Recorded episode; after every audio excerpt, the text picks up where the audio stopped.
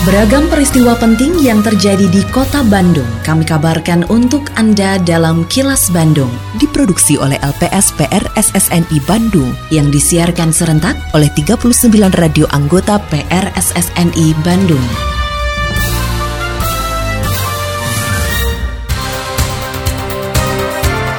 Sejumlah informasi aktual kami hadirkan untuk Anda dan inilah informasi utamanya. Menjelang musim hujan, Pemkot Bandung gencarkan program Mapag Hujan. Proyek LRT Kota Bandung segera terwujud. BNNP Jawa Barat musnahkan barang bukti narkoba. Saya, Santika Sari Sumantri, inilah kilas Bandung selengkapnya.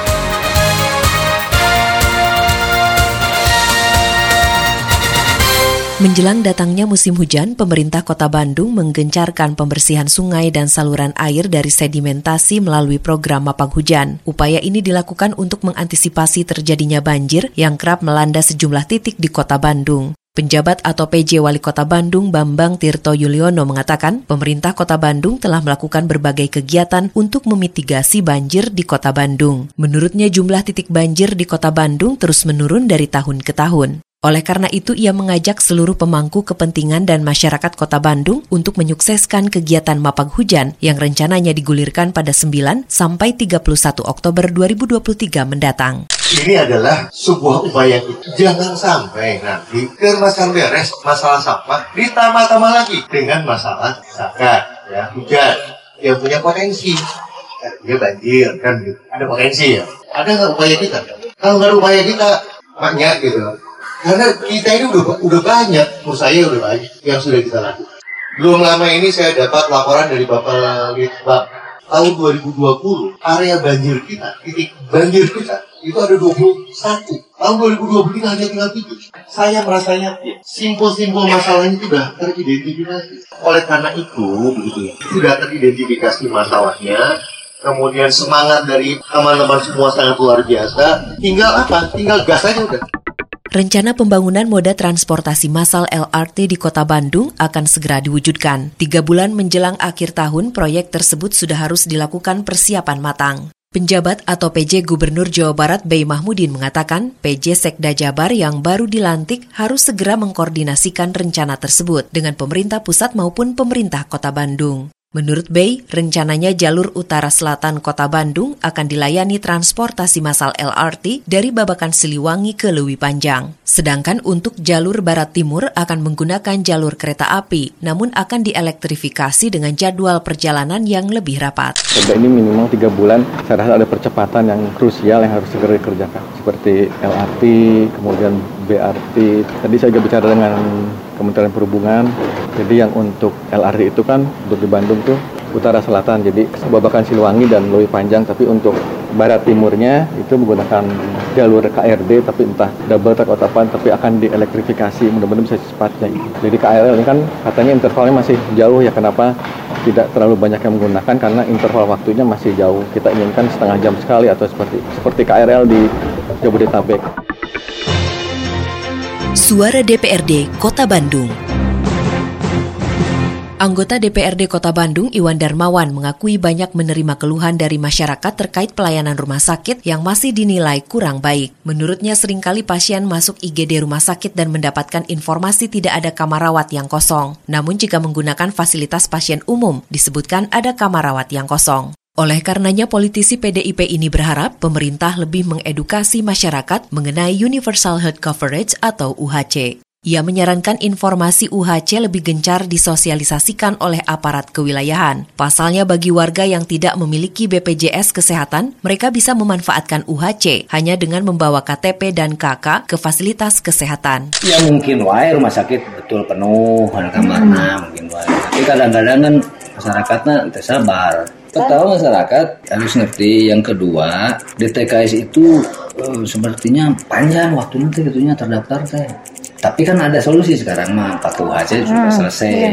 Nah itu intinya mah sosialisasi terhadap masyarakat itu sangat minim informasi-informasi yang diberikan hmm. tentang UHC gitu kan. Ya ayam ayam kalau disampaikan gaduh BPJS tegaduh atau saya hmm. upami misalkan tapi harus didoakan sadana sehat tapi upami darurat yang terdamat terus masuk ke itu pakai UHC aja KTP dengan kakak nah pak UHC teh nah, artinya kan masih banyak masyarakat Ya di tingkatan paling bawah kan kadang-kadang ah, sudah weh. Ketika ada kasus baru, ternyata nggak iya.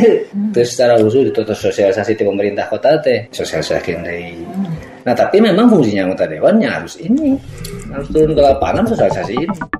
Ketua Komisi D DPRD Kota Bandung, Aris Supriyatna, mengaku miris dengan maraknya bullying atau perundungan, bahkan mengutuk keras aksi tersebut. Menurutnya perundungan banyak terjadi karena mudahnya informasi yang diterima melalui media sosial dan lainnya. Oleh karenanya masyarakat khususnya para orang tua diimbau untuk membatasi penggunaan gawai oleh anak-anak. Politisi PDIP ini juga mendorong pemerintah pusat khususnya Kemenkominfo untuk lebih aktif mengawasi perkembangan teknologi ini dan melakukan inovasi pembatasan informasi. Ia juga berharap pemerintah daerah melakukan pembatasan penggunaan gawai pada siswa sekolah dan mengapresiasi sekolah yang melarang muridnya membawa gawai saat sekolah. Aris mengatakan pihaknya selalu menyinggung pembatasan penggunaan gawai tersebut pada setiap pertemuan dengan masyarakat merespon kejadian itu mengerikan, sangat mengerikan, sangat miris dan mengutuklah kejadian itu. Ini kan ini persoalan bersama, jadi ini persoalan tidak bisa hanya diselesaikan oleh pemerintah, tapi oleh uh, harus juga menjadi perhatian dari masyarakat. Apalagi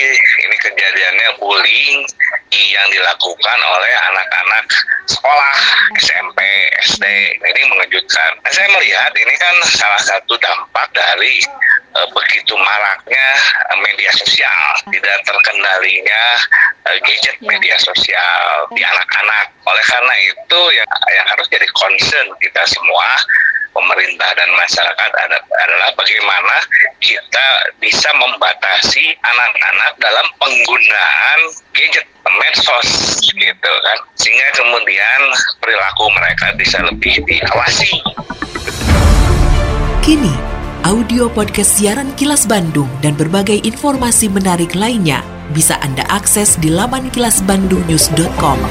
Komisi Pemilihan Umum atau KPU Provinsi Jawa Barat mengimbau parpol peserta pemilu 2024 agar segera menyerahkan surat pemberhentian diri para caleg DPRD provinsi yang berprofesi tertentu. Kepala Divisi Sosialisasi Pendidikan Pemilih dan Partisipasi Masyarakat KPU Jawa Barat, Hedi Ardia mengatakan, sesuai peraturan KPU nomor 10 tahun 2023, para caleg yang berstatus sebagai kepala daerah, wakil kepala daerah, ASN, TNI, Polri, dan badan lain yang anggarannya bersumber dari keuangan negara harus mundur dari jabatannya. Menurut Hedi, KPU akan melakukan penyusunan daftar calon tetap atau DCT dan penetapan DCT mulai 3 Oktober hingga 4 November 2023 mendatang.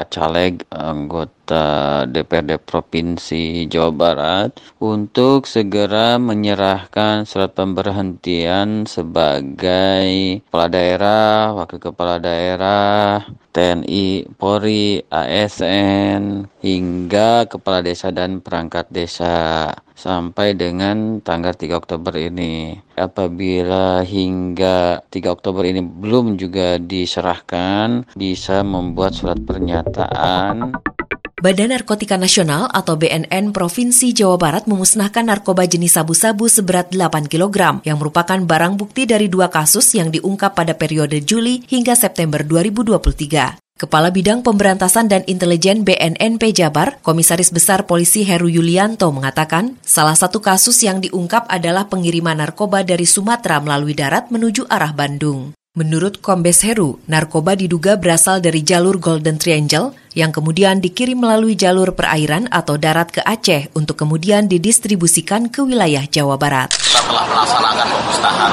barang kurang lebih 8 gram. Kita semua disaksikan dan juga kita transparansi tadi. Kalau kemasan seperti itu bisa kita duga, baru kita duga itu berasal dari Golden Triangle, yaitu ya dari Thailand, Laos, Myanmar, kirim melalui darat atau maupun perairan dan kemudian masuk ke daratan Aceh, kemudian dikirim ke Jawa Barat. Tetap jaga kesehatan diri dan keluarga dengan terus menerapkan perilaku hidup bersih dan sehat. Meski pemerintah sudah menetapkan status pandemi COVID-19 di Indonesia berakhir dan mengubah COVID-19 menjadi penyakit endemi di Indonesia. Terima kasih Anda telah menyimak kilas Bandung yang diproduksi oleh LPSPR SSNI Bandung.